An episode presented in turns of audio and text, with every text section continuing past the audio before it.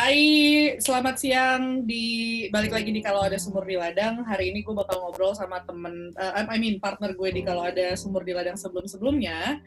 Uh, tapi karena kita sekarang terpisah jarak dan waktu, jadi dan pertama kali ada pressure dari pervirusan ini, akhirnya muncul lagi. Uh, dan obrolan ini sebenarnya adalah uh, nanya kabar dan updatean dari wilayah Jakarta dan sekitarnya. Halo Rifda Amalia, gue bilang Amalula tau gak lo? Amalia. Anyong, anyong, anyong aseo. Bagaimana kabar Jakarta Barat? Eh lo apa sih Jakarta Barat kan? Eh mohon maaf saya Bekasi Barat. ya itu Jabodetabek. Jabodetabek. Gimana? Masuk Jabodetabek kok kak, iya. Gimana gimana? Apa nih yang bisa dibanting nih? Coba. dari satu dua minggu setelah uh, perlockdownan ini dan isolasi diri ini apa yang terjadi apa yang perlu di share ke teman-teman sejauh ini Iya sebenarnya sih uh, udah kayak yang teman-teman juga pasti udah pada inform mudah-mudahan ya lewat berita sih kayak uh, death toll kita tinggi banget terus juga emang udah 700-an ya by hari ini ya hmm. udah tujuh ratusan orang yang positif terus juga banyak uh, apa per kemarin kalau nggak salah ada tujuh dokter yang meninggal dan itu belum kehitung sama beberapa perawat juga yang udah terinfeksi dan macam. Jadi emang concerning banget sih. Gue sendiri kayak agak anxious gitu. Uh, setiap melihat berita kayak oh my god oh my god oh my god gitu. Iya, mm -hmm. jadi kayak tiap malam tuh suka kayak nggak tenang nggak tenang geli-geli gimana gitu. Mm-hmm. ada gitu. tapi apa Cuma yang ya geli-geli gimana mm-hmm. gitu? Apanya nih? Apa lo takut mati? Apa lo takut ngenain orang? Apa yang bikin lo geli-geli gimana gitu? Good question. Hmm. kalau gue sih sebenarnya kayak lebih uh, pertama takut nularin uh, karena gue juga tinggal sama dua orang di rumah yang uh, udah lumayan berumur jadi kalau misalkan gue menularkan itu juga apa ya meresikokan orang di rumah kan mm-hmm. walaupun gue akhirnya udah udah self isolate dari udah hampir dua minggu sih tapi gue kayak mau grocery aja kayak udah mau pergi perang cuy kayak mm. udah pakai semua perlengkapan masker jaket dan pulang-pulang tuh udah kayak wah harus lepas-lepas semua terus semua belanjaan dicuci. Mm-hmm. terus juga apa ya anxious karena apa naturally gue juga emang ada asma kan jadi gue kayak eh gue harus extra cautious juga. Tapi lebih concern lagi ngebayangin teman-teman ini sih uh, yang emang nggak punya privilege untuk WFH kayak uh, teman-teman yang masih kerja terus nggak diinforce sama perusahaannya untuk kerja dari rumah terutama teman-teman buruh kayak gitu loh kayak mm-hmm. itu bikin gue semakin deg-degan karena kayak penyebaran ini tuh bukan masalah kayak yang penting gue selamat gitu loh kayak semuanya tuh harus kerja sama sebagai yeah. apa ya sebagai satu unity gitu loh nggak nggak bisa kayak lo berharap eh udah kelompok gue doang selamat karena kantor gue udah WFH tapi kalau misalkan yeah. virus itu terus berkembang di komunitas lain atau di part any other part of the world dia bermutasi ya udah makin ganas aja terus mak makin nggak ada uh, susah cari obatnya. Lama nyari obat kayak gini kan makanya mm -hmm. gue semakin anxiousnya itu sih. Tapi kayak gue tuh sampai gue kalau bangun tidurnya suka ngerasa kayak ini tuh beneran gak sih hidup? Gitu. Gue suka bingung gitu rasanya kayak di film-film. Apalagi dengan kenyataan kalau di gue kan ada panik buying yang segala macam itu kan. Itu bener-bener kayak yeah. Kayak rak tuh bisa sekosong itu karena di sini kayak semua orang mungkin daya belanjanya sekuat itu kali ya. Gue nggak ngerti sih. Terus tapi gue pengen tahu sih karena gue um, apa ya panik juga. Kayak misalkan untuk everyday people misalkan kayak tukang ojek terus kemudian pasar dan segala macam itu mereka bener-bener nggak tahu sama sekali apa gimana sih dak kondisinya? Apa mereka tahu tapi bodoh amat apa gimana? Apa mereka lebih panik karena nggak dapet duit? Ya, uh, vulnerable secara financial memang betul. Ya makanya itu itu yang lagi sekarang di, di selalu dibahas kan. Maksudnya memang gue uh, ini cuma yang pastinya cuma yang gue baca dari media aja kan, karena hmm. gue nggak nggak dialog langsung juga sama temen-temen uh, yang everyday kerja di luar hari ini, maksudnya hmm. yang non medical ini ya, yeah. purposes. Um, ya itu kayak misalkan driver online gitu ya. Tuntutan ini sih uh, ekonomi karena kalau misalkan mereka nggak kerja hari itu ya mereka nggak bisa ngasih uang ke anak istrinya kan. Jadi kayak resiko mereka ya lebih meresikokan kesehatan mereka sendiri dibanding nggak bisa ngasih makan ke anak istrinya itu juga apa ya sama-sama masalah yang sama-sama krusial gitu loh. Dan itu harus diberbarengi gitu cari solusinya sama pemerintah mm-hmm. bukan kayak cuma satu cara doang gitu menurut gue karena vulnerable banget uh, dalam apa ya sektor pekerjaan yang kayak gitu terutama. Kebayang sih karena lumayan itu yang yang mungkin gak gue temuin di London ya karena gue ngerasa orang-orang di sini tuh bahkan sebelum official lockdown diumumin sama si Bojo aja semua tuh udah meng, mengisolasi diri gitu benar-benar serempak biar singkat kak gitu. Sama Bojo, oh, dia kayak Jokowi sih ada singkatannya namanya. Ada ada. Eh Jokowi sih. eh cuy, udah jangan ngomongin orang. Jokowi kan singkatan. Eh, emang asli? Kalau UITE nggak nih? Jokowi Dodo. Oh, gimana sih Kayaknya Rinonje. Anjing goblok banget. Iya gue kayak, eh, itu bukan namanya. Lu lupa nama presiden sendiri. Anjir bego. Anyway, iya maksudnya. Joko Widodo, Boris Johnson. iya itu yang yang yang kalau sekarang tuh yang beneran keluar cuman yang ngirim-ngirim ada satu dua orang dan itu dibatasin dan polisi udah berjaga-jaga gitulah ini ya. Terus tadi ngomongin pekerjaan mm -hmm. lo sendiri gimana dak pekerjaan kan gue tahu lo di non profit organisasi yang cukup vokal ya dalam menyuarakan hak-hak uh, kemanusiaan gitu. Itu gimana? Uh, maksudnya apa yang lo kerjain di rumah? Terus kendalanya apa? Terus lagi memperjuangkan apa gitu? Iya kalau saat dari... pandemi ini ya. Uh, uh, uh, uh, uh. Kalau dari kantor gue sih kayak kita selalu apa ya melakukan dalam kapasitas kita juga sih dan bekerja sama tentunya sama kayak organisasi lain gitu loh. Mm-hmm. kayak misalnya uh, kita waktu kemarin itu kita bikin petisi mm-hmm. uh, apa ya mendesak pemerintah untuk meningkatkan akses uh, informasi? ke, uh, bukan ya itu uh, tapi juga APD alat-alat pelindung, pelindung diri ya petugas medis atau petugas kesehatan, tenaga kesehatan, itu kita juga nggak sendiri sih, kita udah apa ya kerjasama sama ID, Ikatan Dokter Indonesia, terus juga ada PDGI, Persatuan Dokter Gigi Indonesia, ada PPNI, Persatuan Perawat Nasional Indonesia, IBI, Ikatan Bidan Indonesia, dan sama IAI juga, Ikatan Apoteker Indonesia. Jadi kayak semua itu mendesak untuk pemerintah memperhatikan nasib tenaga kesehatan. Mereka gila mereka udah kayak yang lagi perang cuy ngewakilin hmm. kita. Jadi paling penting banget beri iya. pelindungan yeah. ke mereka. Dan yang sedihnya lagi tuh sekarang sebenarnya tenaga kesehatan itu malah jadi korban stigma yang gue sangat sedih.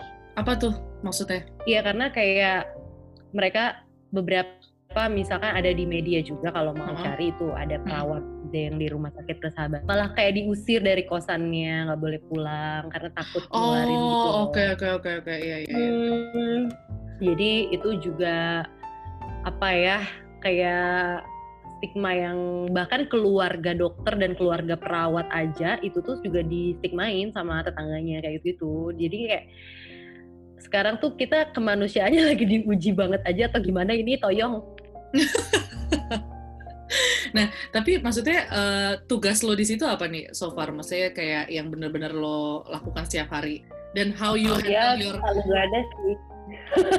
Jadi gue ngepel juga, nyuci piring juga. Iya itu betul. gue sampai bosan anjir cuci piring, tangan gue sampai kering. Gue bingung deh. Dan maksud gue, karena kaitannya gue pengen nanya adalah setelah dengan semua pekerjaan yang lo lakukan dengan job desk lo sekarang, how do you maintain your mental health gitu loh? Gue di internal management team gitu jadi kita gue kayak ya bareng sama uh, direkturnya sama deputi director untuk kayak gimana caranya tim tuh bisa kerja juga hmm. selama hmm. WFH ini bikin hmm. sistemnya kayak bantuin manage itu gitu. Nah, apa tadi pertanyaannya kakak? Saya lupa. Maksudnya dengan semua yang lo bilang tadi oh. Palu Gada itu dan lo memastikan bahwa tim lo bekerja dengan baik, gimana lo memaintain uh, sanity lo gitu supaya bisa tetap pada jalurnya. Oh itu susah sih apa namanya perputaran informasi cepat banget gitu jadi kayak mm -hmm. semakin cautious kayak gitu itu yang membuat gue anxious tapi ya uh, bisa di ini sih apa bisa di beberapa trik bisa membantu sih. Kemarin juga dari kantor gue baru ikut ini apa kayak mm-hmm. psychological first aid training gitu. Nah itu gimana tuh? Sebenarnya itu udah itu tuh udah dari lama sebenarnya di emang kayak dari kantor pusat di London yang adalah di London itu tuh bikin program. Tetangga gue btw uh, terus. Iya di apa programnya itu kayak ngasih training kayak first aid kayak misalkan lu pertolongan pertama tapi untuk psikologi hmm. untuk mental health-nya staff gitu nah gue baru kemarin sign up karena gue tertarik akhirnya kemarin emang online kan sama teman-teman dari kantor dari negara lain juga. Terus uh, ya sebenarnya ngasih ngasih ini sih uh, cara cara gimana untuk kayak ya tipe-tipe misalkan PTSD post traumatic uh, apa trauma sindrom kayak gitu tuh gimana ngeliat ciri-cirinya terus kayak first aid uh, nemenin dan ngobrol ke mereka biar mereka mau terbuka kayak gitu. Mm-hmm. itu lebih fokus ke post trauma sih. Terus uh, akhirnya juga bisa tahu kapan sih lu butuh professional help. Jadi kayak, kayak karena kita bukan professional help kita cuma bantu di uh, level yang lebih permukaan dulu aja. Yang penting ada support system gitu loh di kantor dan katanya sih kantor pusat juga lagi nyiapin itu kayak crisis mental health center our policy gitulah semacam. Nanti akan ada uh, apa sheet-sheet yang bisa dikerjain buat buat self assess mental health uh, staffnya. Mm-hmm. kayak gitu gitu itu itu penting sih menurut gue soalnya kayak lu gimana mau kerja kan kalau lo nggak konsen dengan anxiety ini dan segala macam. Gue kadang-kadang susah konsen juga sih, tapi gue kadang paksain. Terus kalau udah pusing banget, gue istirahat. Gitu. -hmm. Nah itu berarti mereka over kayak mereka bikin metodenya sendiri, mengembangkan maksudnya dengan sheet yang tadi lo bilang itu, itu mereka yang create sendiri atau kalian bahas bareng-bareng? Gimana sih sistemnya? Maksudnya siapa tahu itu bisa digunakan gitu nggak sih buat orang banyak? Oh, atau itu uh, itu khusus ini sih kemarin itu kalau yang gue tahu itu dari kantor international secretariatnya mm-hmm. uh, jadi emang itu khusus untuk apa namanya specifically uh, selain juga karena uh, corona ini sebenarnya kan staff juga terpapar dengan banyak krisis lain ya kalau yeah. di kantor yeah Nah, jadi itu mungkin yang dugaan gue adalah specifically untuk staff sih. Tapi kayaknya oh. kalau emang nanti ternyata uh, itu doable untuk orang lain, gue nggak masalah sih untuk share juga. Toh untuk kebaikan bersama juga gitu. Mm-hmm. Cuma memang oh. semua perusahaan atau sekolah itu harus buat policy semacam itu yang sesuai sama karakternya mereka juga, karena nggak bisa niru kantor lain juga kan. Mm-hmm. Nggak bisa dipukul rata ya beban beban moral dan mental yang dihadapkan gitu sama mm-hmm. kerjaan-kerjaannya. Oke, okay, um, terus tapi kalau misalkan gue lebih pengen tahu lagi tentang lo sebagai um, individu dan sebagai researcher sih, karena gue selalu ngelihatnya lo ya ya emang into art dan dan emang um, apa disiplin lo tuh lebih banyak ke arah sana gitu. Uh, gue sendiri kan dari kemarin mencoba untuk menggabungkan teman-teman performer gue untuk bisa bikin diskusi gitu. Karena selain selain krisis kesehatan yang kita harus kita hadapi selama beberapa bulan ke depan adalah krisis keuangan misalkan. Atau um, krisis apa ya tadi juga mental health dan segala macam yang at some point kita tahu bahwa semua orang sekarang fokusnya lagi di garda depan gitu di orang-orang kesehatan, orang-orang um, pemerintah lah intinya ya. Yang maksudnya bisa mengambil keputusan gitu. Tapi bidang-bidang ini tuh akhirnya dikesampingkan gitu. Uh, padahal di saat yang sama kita kan juga manusia ya, maksudnya perlu perlu juga uh, memikirkan bagaimana kita cara cara-cara bertahan hidup gitu. Nah dari lo sendiri uh, so far dari bidang seni uh, sorry dari bidang kreatif atau bidang seni itu sendiri ada wacana menarik bukan wacana ya atau ada narasi menarik nggak sih yang kemudian terjadi di Indonesia ya kalau di sini kan memang semua funding sekarang udah langsung gila-gilaan mereka uh, offer kita untuk bikin karya di rumah gitu dan udah ada sistemnya hmm. sendiri pakai art council itu yang satu-satunya yang paling uh, dipercaya untuk kita bisa minta bantuan minta secara hukum atau secara kesehatan gitu kalau di sana gimana ada so far? Uh, so far kalau dari yang gue cuma pantau lewat media doang dan sosial sosial media itu sih ya uh, so far berkembang banyak banget tuh uh, live streaming konser kayak konser-konser kemanusiaan mm-hmm. lewat uh, sosial media apa Instagram live atau lewat YouTube live kayak gitu uh, untuk menggalang dana ya kan itu udah udah lumayan banyak kalau dari uh, sektor apa ya kayak kalau nggak salah negara mana ya kemarin tuh yang gue baca Amerika ya kalau nggak salah hmm. ada pemerintah kotanya yang ngasih kayak anggaran untuk emang kerja seni yang terdampak sama uh, COVID ini kan COVID-19. Hmm. Tapi kalau di Indonesia gue belum dengar juga sih wacana itu. Hmm. Toh sekarang masalah anggaran untuk rumah sakit aja juga masih, masih PR ya. Uh, masih PR ya. Kalau apalagi ya anggaran apa di Indonesia juga kan um, mungkin fokusnya belum ke sana kalau gue lihat. Tapi sebenarnya kalau nggak ngomongin anggaran sih sebenarnya pekerja kreatif atau seniman bisa ngelakuin banyak hal banget sih. Uh, apalagi emang di era kayak gini yang lo ngandelin teknologi sama internet kayak dituntut buat mikir banget gitu gak sih Bener, kayak senior kita tuh ada namanya Bagus Pandega. Dia kan sekarang bikin uh, karena dia punya 3D printer itu oh, kan. Iya. Dia bikin mask yang apa sih namanya yang nutup semua muka gitu dan Oh iya uh, Andit. Uh, dan kampanyenya lagi naik banget kan di hari ini. Gue sih bacanya hari ini kayak gimana dia bilang kayak kita butuh produksi ini sebanyak-banyaknya sedangkan dalam sehari dia cuma bisa 4 sampai 6 mask kan gitu. Itu menarik juga sih. Kemudian um, apa material atau misalkan toolsnya dia yang tadinya dipakai buat berkesenian tuh bisa berfaedah juga untuk keperluan kesehatan gitu. Tapi yang menarik juga kalau ya. misalkan teman-teman gue yang penari, dah sebanyak itu dia bikin movement as in campaign kayak hashtag lah atau misalkan kayak ngumpulin materi lah untuk dibikin gerakan gitu. Hmm. Nah itu tuh menarik yang menurut gue kalau nggak ada virus ini bisa jadi kita chill aja gitu kayak ngerasa baik-baik aja kita PY aja gitu maksudnya uh, ngamen di event-event tanpa mikirin bahwa ngegain awareness dari art itu sendiri gitu. Menurut lo gitu juga nggak sih akhirnya art movement tuh jadi jadi kepantik gitu jadi jadi uh, jadi ke trigger gitu untuk bisa lebih uh, rame dan lebih kreatif lagi gitu. Oh iya iya iya benar setuju. Kemarin juga gue ngobrol Ferry kan kan lo juga habis call sama dia ya. Nah. Ferry eh ho ho if you call, eh, if you mendengar ini. Kita lagi gosipin lo gitu. Kita lagi gosipin lo. Iya kemarin juga gue suka tuh inisiatifnya si Ferry kan. Mm-hmm. dia karena apa uh, performance tugas akhirnya kayak hampir batal juga terus yeah. itu akhirnya puter otak dia ngebuat interaktif uh, apa ya koreografi gitu yeah. lewat uh, partisipasi orang-orang ngirimin pose-pose lewat Instagram mention terus habis itu dirangkai sama dia jadi satu koreografi uh, terus abis itu uh, itu per hari gitu bikinnya. Terus tadi gue juga pengen nyumbang, eh gue nyumbang gerakan, tapi gue nggak bisa gerak, gue kan kayak mager gitu anaknya, kayak gaya batu banget. Terus kata dia, nggak apa-apa kok anak bayi aja uh, ngirimin pose juga kayak gini tangannya. Terus gue kayak, oh, oke okay, gue kalah sama anak bayi. Oke okay, besok ya gue kirim. Tapi sampai sekarang gue belum kirim ketahuan banget gue mantap eh, cuy sama. akan.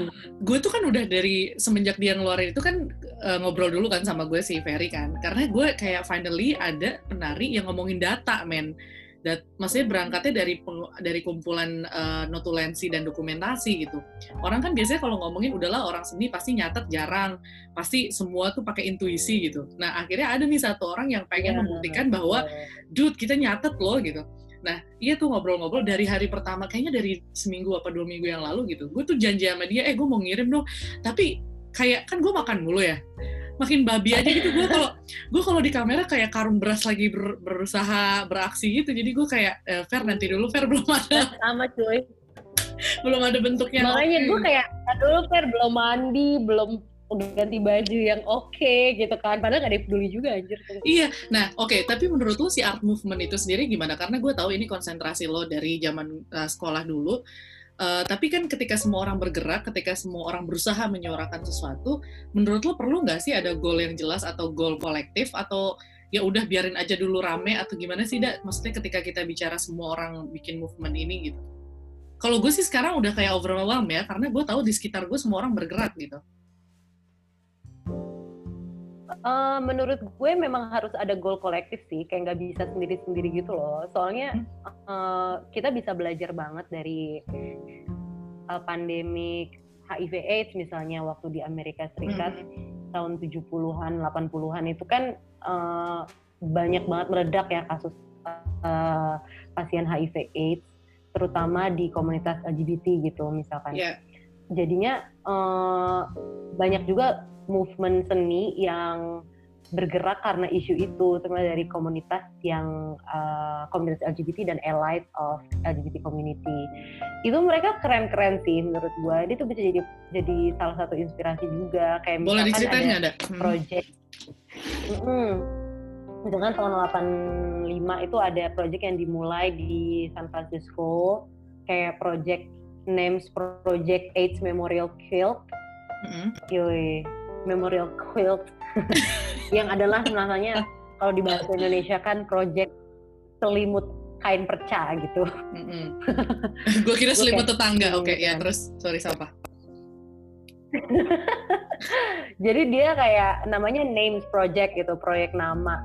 Awalnya tahun 85 ini ada satu aktivis uh, dan juga dia pengajar juga, penulis juga namanya Cliff Jones. Dia tuh kayak uh, ngeliat apa ya lambatnya reaksi pemerintah baik pusat maupun uh, state untuk menangani pandemik itu gitu. Karena itu sih sebenarnya lebih disebabkan karena narasi-narasi uh, pihak-pihak yang against LGBT community gitu yang menganggap kayak eh, itu kan penyakitnya buat orang gay aja padahal kan sebenarnya enggak kayak banyak hmm. banget apa ya misinformasi mengenai uh, eh, HIV AIDS. Jadi nimbulin stigma yang gede banget kan ke komunitas gay.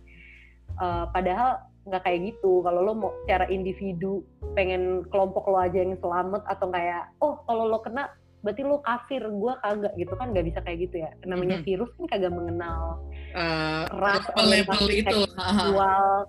Yeah, yeah. Uh, nah, jadi si Cliff Jones ini akhirnya uh, bikin project names project itu dia pertama kayak bikin pawai gitu ya parade. Terus dia minta orang-orang yang datang ke pawai itu tuh ribuan yang datang waktu itu. Terus kayak minta nulis nama teman atau keluarga mereka yang menjadi korban virus HIV AIDS. Terus habis itu poster-poster itu tuh akhirnya dia tempel-tempelin tuh di, di gedung federalnya San Francisco. Mm -hmm. tapi dari situ tuh dia jadi dapat inspirasi kayak oh poster-poster ini tuh mirip sama kain uh, selimut kain perca yang digabung-gabung gitu loh dijahit-jahit. Akhirnya dia merealisasikan proyek itu, dia uh, minta orang-orang dari seluruh Amerika untuk ngirimin eh, nama-nama orang terkasihnya mereka yang hmm. jadi korban HIV/AIDS.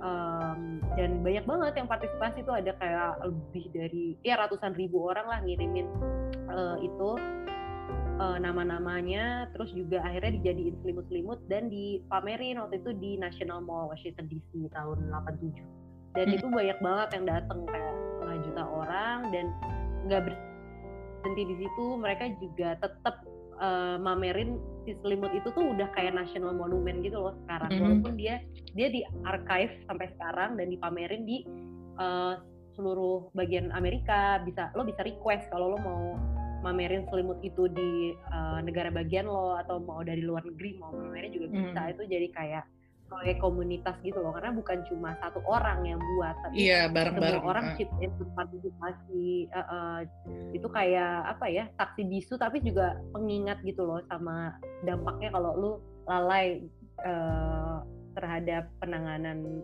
pandemi ini gitu. Nah itu yang yang menarik sih, da. Maksudnya, aduh, oh, mohon maaf sih ada WhatsApp ya Black. Uh, itu yang menarik ketika ngomongin seni personalized gitu loh. Itu kan jadinya kayak ketika orang input nama kan, berarti orang-orang terdekatnya yang jadi korban dan segala macam itu mereka itu koneksi gue ya. Oke, okay. maksudnya mereka Oh oke, okay. maksudnya mereka tuh benar-benar terlibat as in uh, mereka bagi nama, mereka bagi cerita gitu. Itu juga yang gue pelajarin dari misalkan proyeknya Maria Peppermoon gitu kan dia menenun cerita juga kan ketika orang bisa share gitu. Kayak ada lagi nggak sih contoh-contoh lain yang menurut lo tuh akhirnya masyarakat tuh merasa juga punya kepemilikan karya itu karena itu personal gitu. Itu itu sesuatu yang um, mereka butuhkan juga sebagai platform. Karena kebanyakan campaign-campaign yang ada di sekitar gue bagus secara inisiatif tapi nggak ngomongin masyarakat itu sendiri gitu. Itu kayak istilahnya emang sebagai pelaku kita masih pengen showing gitu you know what I mean kayak ada lagi nggak sih contoh yang bisa kita pelajarin ketika itu terkait dengan bagaimana mengaktifasi masyarakat supaya lebih lebih aktif karena ini tuh sebenarnya buat mereka juga buat kita semua gitu. Iya iya iya. Kalau dari ini ya karena gue juga apa namanya dulu risetnya memang di Amerika di New York particularly mm-hmm. uh, tentang seni dan aktivisme. Mm-hmm. Uh-uh. Jadi ada satu apa ya kolektif juga namanya Grand Fury dulu mereka tahun 80-an ini masih tentang pandemic AIDS juga sih mm-hmm. kayak mereka masuk ke uh, wilayah personal publik tapi lewat campaign-campaign strategi kayak uh, campaign-campaign kapitalis seperti industri fashion gitu mm-hmm. jadi mereka masuk masukin itu lewat poster-posternya itu lewat kayak bis kota, ngirimin postcard, kayak di mana-mana jadi poster ditempel. Itu ada project namanya Kissing Doesn't Kill, Greed and Indifference Do. Itu itu proyeknya uh, jadi di poster-poster itu mereka foto-fotoin orang-orang dari berbagai macam ras sama orientasi seksual, ciuman, uh, dan dikasih tulisan bahwa ciuman tidak dapat membunuh keserakahan dan ketidakpedulian dapat membunuh. Intinya gitu sih. Jadi kayak uh, mengurangi stigma terhadap orang yang positif juga ya positif yeah, HIV yeah. karena uh, mungkin pada saat itu mungkin kalau sekarang kita udah gampang banget ya tahu dapat pengetahuan bahwa oh HIV itu nggak menular kok lewat uh, ciuman dia kan uh, sexually transmitted atau melalui darah gitu ya. Kalau sekarang kan kita dari kecil udah dapat edukasi. Tapi pada zaman itu kan enggak banyak banget orang yang uh, misinform. Sebenarnya mirip kayak sekarang. Memang di era-era pandemik gini tuh banyak banget orang yang gampang ter uh, misinformasi gitu dan tidak teredukasi. Makanya sekarang ini lagi masa-masa genting di mana semua orang harus bantu untuk kayak ngasih tahu uh, gimana sih yang benernya penularan uh, apa COVID ini gitu. Ini nggak airborne, ini nggak airborne. Berarti kalau lu jaraknya 2 meter, misalnya satu setengah meter dari orang, dia nggak eh, nggak uh, akan nular juga lewat nafas yang lo keluarkan gitu kan lewat droplet gitu misalnya. Yeah, yeah. Jadi mengurangi ini juga stigma dan akhirnya jadi kayak karya-karya kayak si apa namanya si Grand Fury ini uh, penting walaupun bukan tanpa resiko uh, apalagi banyak backlash dari komunitas lain gitu ya misalkan yang merasa kayak ini ini apa nih intensinya? kayak gitu. Tapi itu hmm. salah satu strategi dari seniman sih yang bisa dilakukan. Soalnya si strategi ini diulangi lagi juga sama fotografer juga dari New York baru yang tahun ini. The Act of Love bukan? Itu beda lagi ya? Karena iya, dia benar yang The Act of Love itu si Arina Voronova kan. Iya yeah, iya. Yeah. Mm -mm, itu juga strateginya mirip pakai poster dengan gambar orang uh, berciuman menggunakan masker. Itu dia nyari-nyari maskernya keliling-keliling waktu itu. Tapi ternyata susah dia nyari masker karena emang udah shortage banget di New York. Jadi dia dapatnya tuh kayak susah di Queen somewhere pelosok gitu dia dapet. Terus akhirnya dia uh, keliling New York dia bagiin ke orang mau nggak participate di project gue. Terus dia kayak foto. Biasanya pasangan sih atau keluarga yang uh, mereka pakai masker terus mereka ciuman. Itu untuk act of ini sih kayak kasih sayang gitu loh. Walaupun um, kita lagi di masa kayak gini ya itu juga tetap harus dipertahankan gitu loh. Kalau enggak bisa kayak manusia bukan dihancurkan sama virus cuy tapi dihancurkan sama manusia, sama manusia lainnya. sendiri ya. Terus kalau oh, tapi pada masa 80 terus masa The Act of Love itu kan mereka masih mungkin buat ketemu kan? Secara manual dan secara offline mereka masih bisa gathering gitu. Sedangkan krisis yang kita hadapi saat ini nggak ada cara lain selain online ya nggak sih? Kayak lu ada lu ada insight nggak sih ketika bikin movement secara online gitu? Karena bener sekarang problematikanya adalah ketika semua orang bisa bikin konten kita tuh udah kayak bener-bener banjir udah mau muntah gitu dikasih terus gitu kan dikasih asupan gitu tapi mm -hmm. bagaimana sih sebuah movement itu uh, parameter let's say uh, sukses atau bukan sukses maksudnya parameter movement itu uh, pada akhirnya membawa goal bersama, goal kolektif gitu. Itu tuh gimana sih Dak cara lo ada insight nggak? Kayak ini kita dengan dengan dengan mindset bahwa ini online semua ya dengan semua segala sesuatu yang nggak disaring gitu. Gimana ya supaya kita bisa um, karena gue sendiri gelisah gitu. Nih temen gue semua gerak. Ya bagus dengan inisiatif yang tadi gue bilang gue appreciate. Tapi untuk kita untuk gue bisa kayak tahu ke mana kita menuju terus bahwa ini semua adalah at buat buat kita semua masyarakat in general bukan cuman orang yang into uh, let's say misalkan into teater atau tari gitu. Itu gimana sih dak? Gue agak kelabakan sih bingung gue memandang movement akhir-akhir ini karena semua orang move ya make a move gitu. But what next gitu? Terus apa? Terus gimana gitu apa misalnya apa misalnya movement yang lo bilang semua orang make a move itu misalnya gitu? Iya kayak misalkan uh, kalau teman-teman tari kemudian bikin uh, tarian yang yang mereka bikin show live show. Uh, yang tadi gue gelisahnya adalah oke okay, kalian show terus ada audiens nonton dari jauh. Uh, walaupun sebenarnya tarian mereka itu oh, ngangkat mereka tuh tentang eh sorry tarian mereka tuh mengangkat tentang uh, bahwa kita harus berhati-hati sama virus ini harus jaga mental health bagus gitu terus audiens nonton oke okay. terus apa sesudahnya apa terus atau misalkan gak usah jauh-jauh nyari, nyari contoh orang lain deh kayak gue kemarin bikin discuss gitu Terus udahannya apa? Apakah jadi artikel? Apakah gue harus bertemu dengan uh, mengontak kementerian atau apa yang kayak gitu-gitu loh? Da? Maksudnya movement tuh arahnya ya. gimana ya. sih timelinenya? Okay. Ini kalau dari yang cemiu aja ya. Hmm. hmm. hmm. Kalau yang gue tangkap tuh maksudnya uh, inisiatif apa pun itu harus diawali dengan uh, intention setting dulu sih awalnya. Hmm. Karena bisa bermacam-macam tujuannya. Ada yang tujuannya emang cuma ngasih entertainment, which is gak salah juga ya. Iya yeah, betul.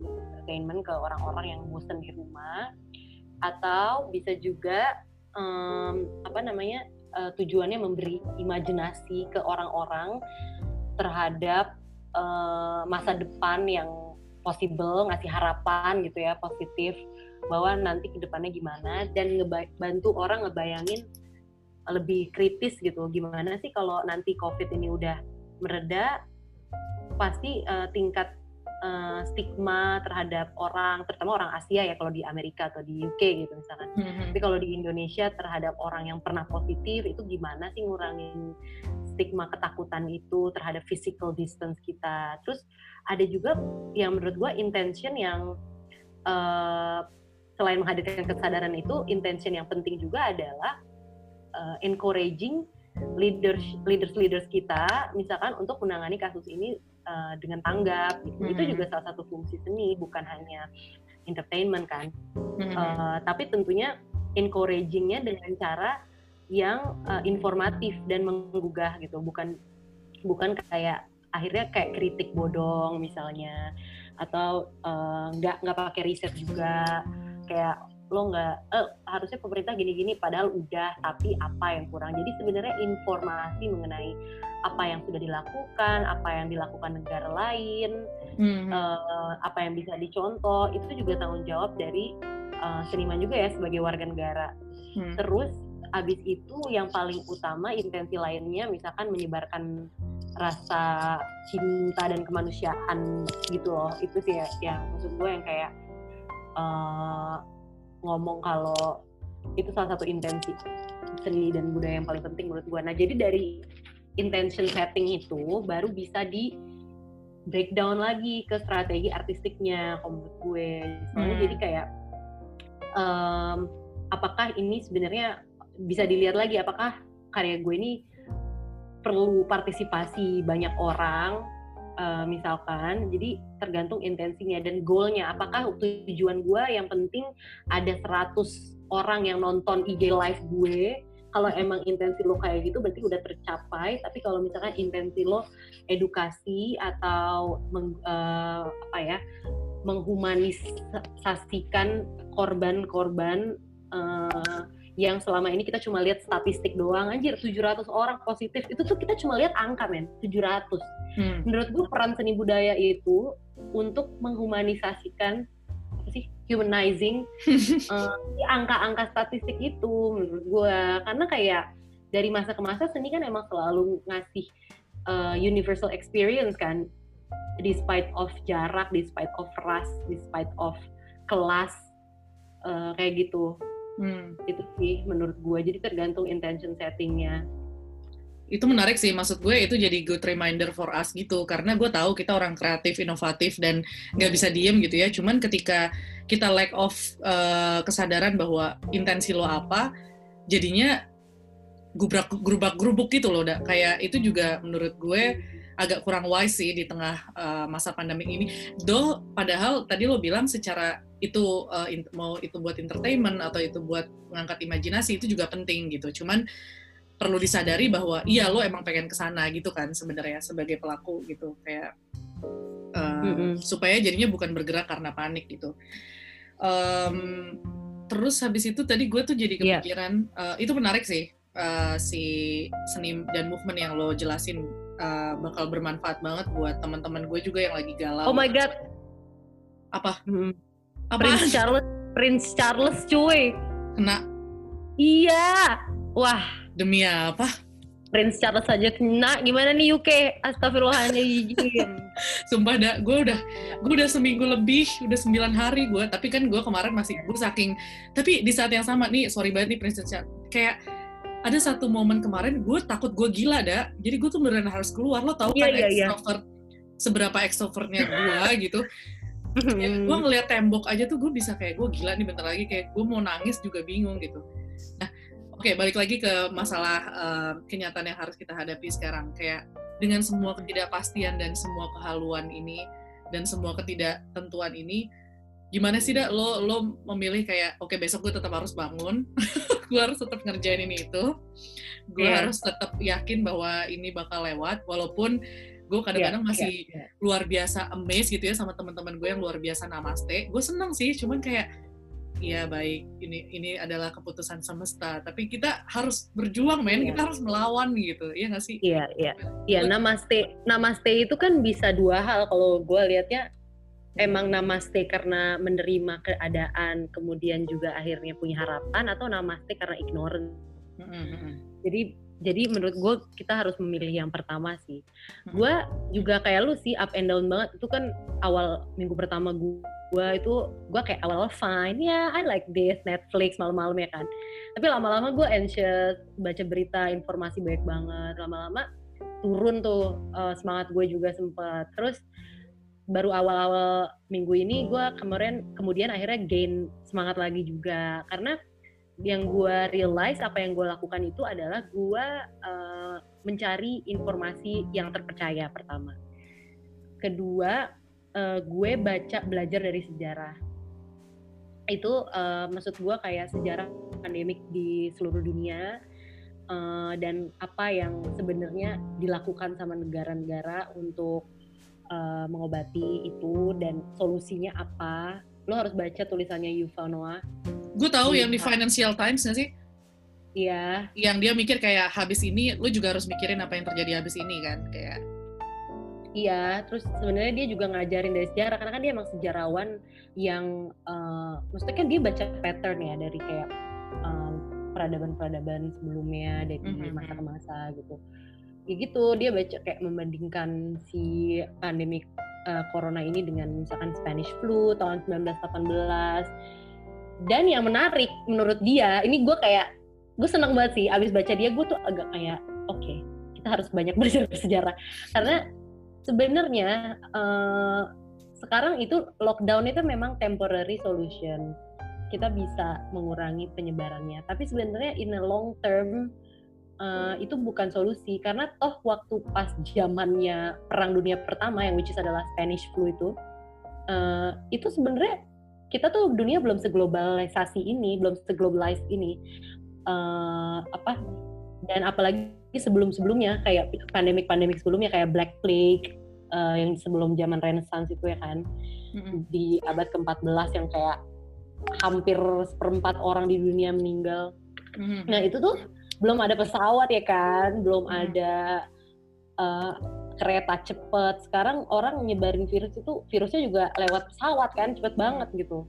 Hmm. Nah, jadi sebenarnya yang dia tekankan di situ tuh uh, solusinya tuh bukan eh, eh wait, ini WhatsAppnya siapa nih?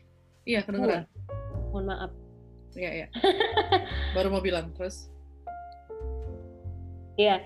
Jadi yang uh, gue suka itu dia menekankan kalau ya justru yang menyebabkan ini bukan si virusnya aja tapi uh, ini apa misinformasi bukan cuma isolasi yang penting. Eh yang yang menyebabkan memperparah ini tuh bukan cuma isolasi lockdown atau social distancing which is also important tapi yang paling memperparah itu informasi. Jadi ketika manusia belum punya informasi yang cukup misalkan tentang virus ini terus ter uh, makanya banyak korban. Karena dulu kan uh, kayak orang-orang misalkan di uh, zaman dulu yang belum kita belum mengembangkan ilmu hmm. uh, mengenai patogen-patogen ini sarannya berdoa misalkan hmm. uh, mengadakan mass prayer gitu di gereja atau di mana di kuil gitu yang malah memperburuk ya kan gitu. yeah, yeah, yeah. jadi sebenarnya informasi-informasi kayak gitu sih yang uh, bisa membantu plus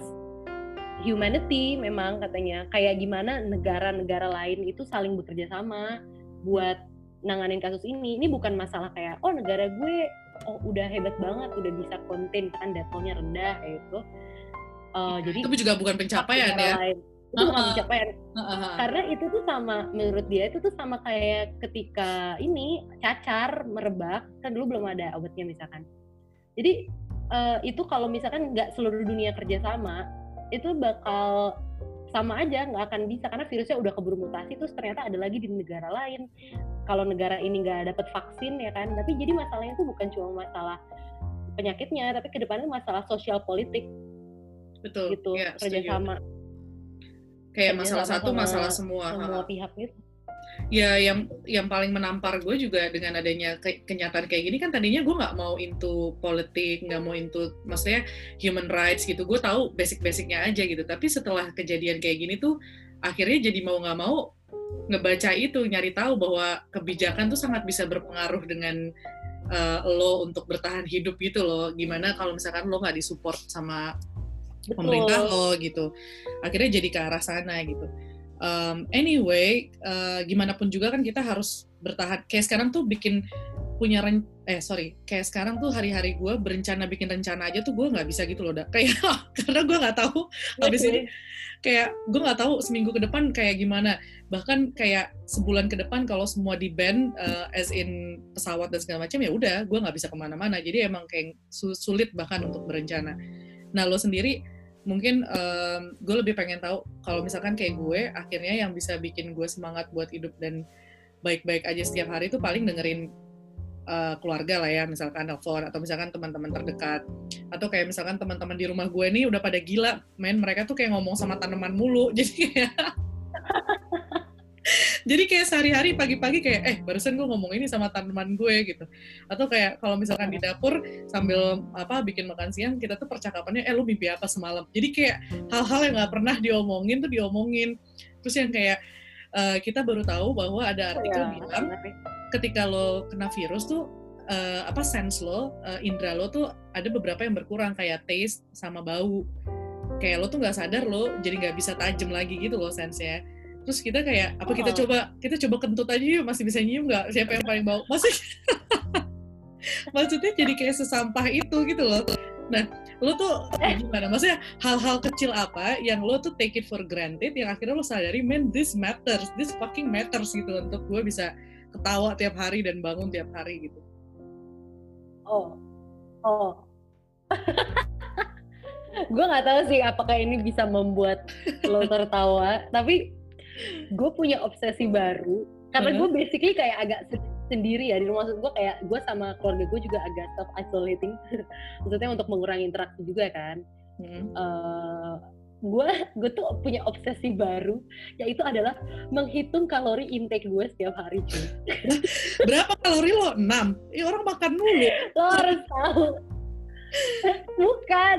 Uh. Jadi lo harus tahu, gue sebenarnya udah disaranin sama beberapa temen sih emang sebelumnya nih. Kalau kan gue emang lagi pengen diet ya.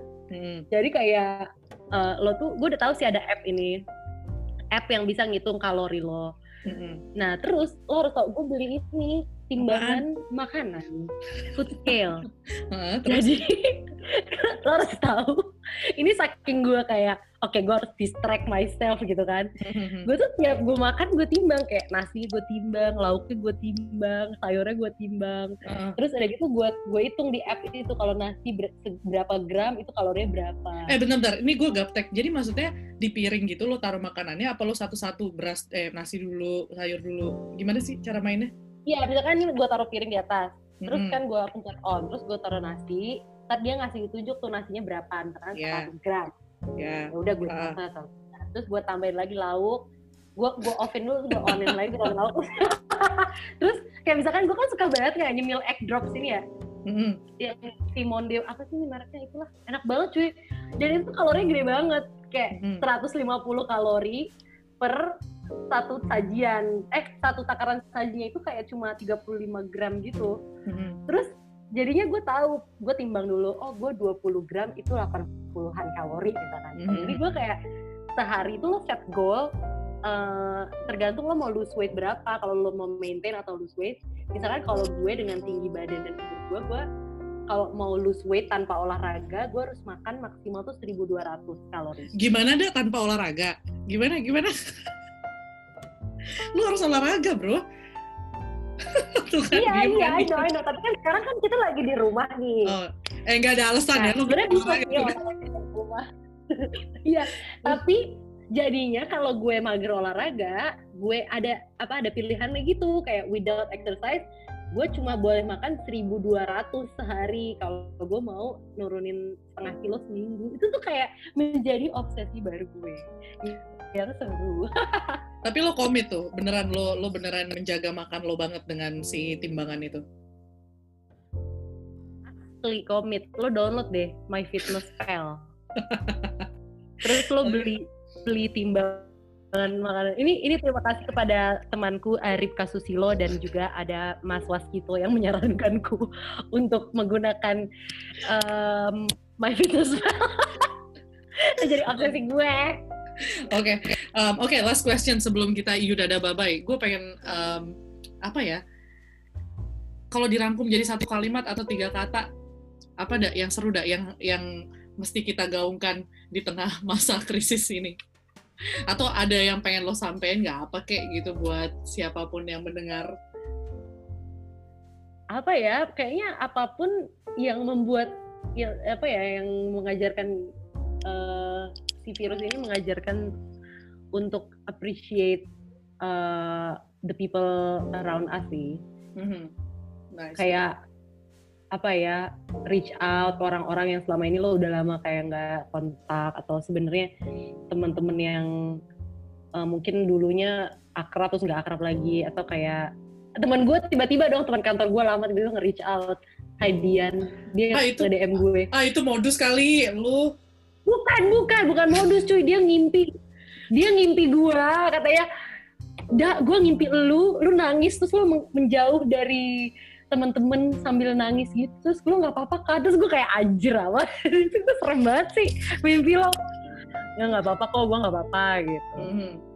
Oke, iya, eh gue Ya tapi tentu saja ya. Hah? Heeh.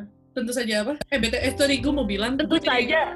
Kontakan sama temen sama Evita, sama temen lo. Jadi kita tuh kayak, "Tak, ini kita gimana? Oh. Pulang kagak bisa di sini sepi gitu. Anyway, terus terus apa tadi lo bilang? Ya tapi apa? Iya anjir. Enggak, tapi juga mengajarkan ke menurut gue selain menghargai ap- apa orang-orang di sekitar kita tapi juga meng- menghargai diri kita sendiri kayak cutting toxic people misalkan atau cutting Waduh. informasi yang toxic. Waduh, itu setuju ya. Terus terus. Iya sih, maksudnya toxic people dalam hal yang suka menyebarkan kepanikan atau memang nggak baik buat mental health lo. Kayak sekarang udah deh perbaiki dulu ini. Ah betul, Yuda ada baba ya, gitu. Ini namanya eh, apa sih pengakuan? Pengakuan bahasa Inggrisnya apa dak? Gue lupa. Hmm, pengakuan dosa. Bukan apa sih? Kalau lo ngaku admit admit ya, pandemic ad- Admit. eh, Iya maksud gue, gue jadi kayak pengen, gue jadi kepikiran gitu pengakuan masa pandemik itu karena kan kita nggak tahu besok mati. Oh confession, yes, pandemic confession. Gue pernah ngomongin ini sama Riyandi. kayak sebelum karena kita nggak tahu oh. besok gimana kan jadi ini yeah, semua yeah, adalah yeah. pandemic confession oke okay.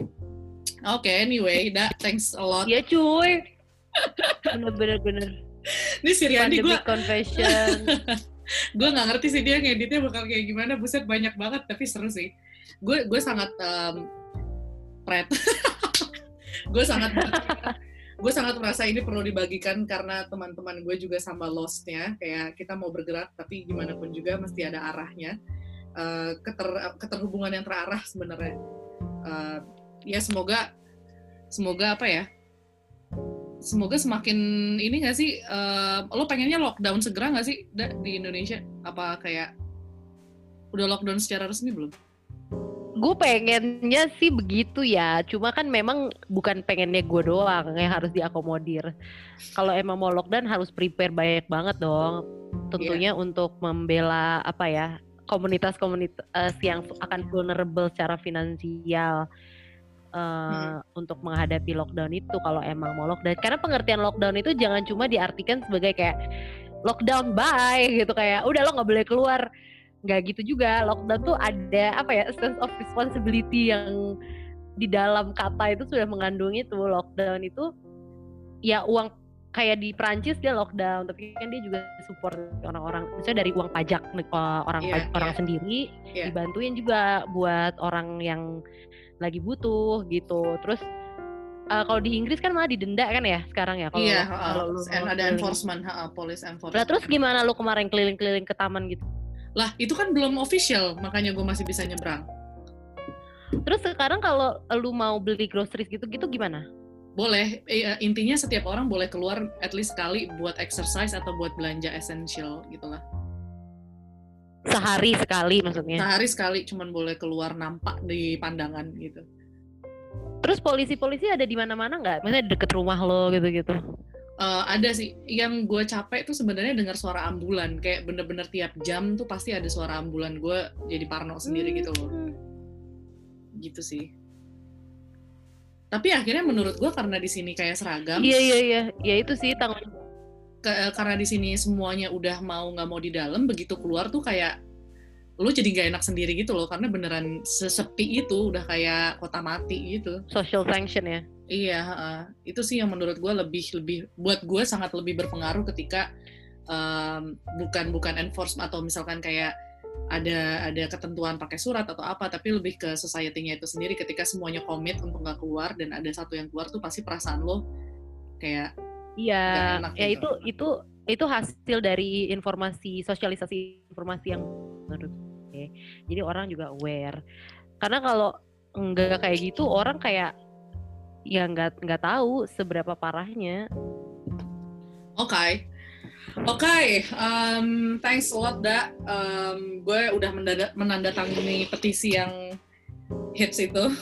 Ayo, yang belum yes, please. Oh iya, iklan. Iya, iya, silakan, silakan. Tadi kayaknya gue cek masih 60 sekian deh. Gue eh 6 ribu apa 6, pokoknya depannya 6 aja tujuh ribuan sekarang ya enam ribu oh, hampir tujuh ribu sekarang hampir tujuh ribu ya tolong dong teman-teman isi petisi juga di uh, Amnesty International Indonesia itu ada petisi bisa lihat di Instagram ya uh, uh. Uh, uh, terus juga yeah. banyak kok kayak tempat-tempat buat nyumbang gitu ya kayak misalkan di kitabisa.com itu banyak banyak banget uh. Uh, dan institusi organisasi lokal lainnya untuk ngebantu uh, tenaga medis sama juga uh, orang-orang yang mungkin nggak bisa stay at home gitu. Betul. Ya. Balik lagi pada fakta bahwa kita nggak bisa ngadepin ini sendiri-sendiri. Ini masalah kita sebagai manusia di seluruh dunia. Um, jadi semoga mau sekecil apa pun, Betul. upaya kita membantu. Uh, yang terpenting adalah sadar bahwa uh, kita nggak bisa lewatin ini sendirian gitu. Oke, okay. terima kasih Bener. Rifda, Malia. Kita ngobrol lagi ya nanti kapan-kapan dengan versi yang lebih Iya. Oke, okay. bye bye. Bye kayaknya.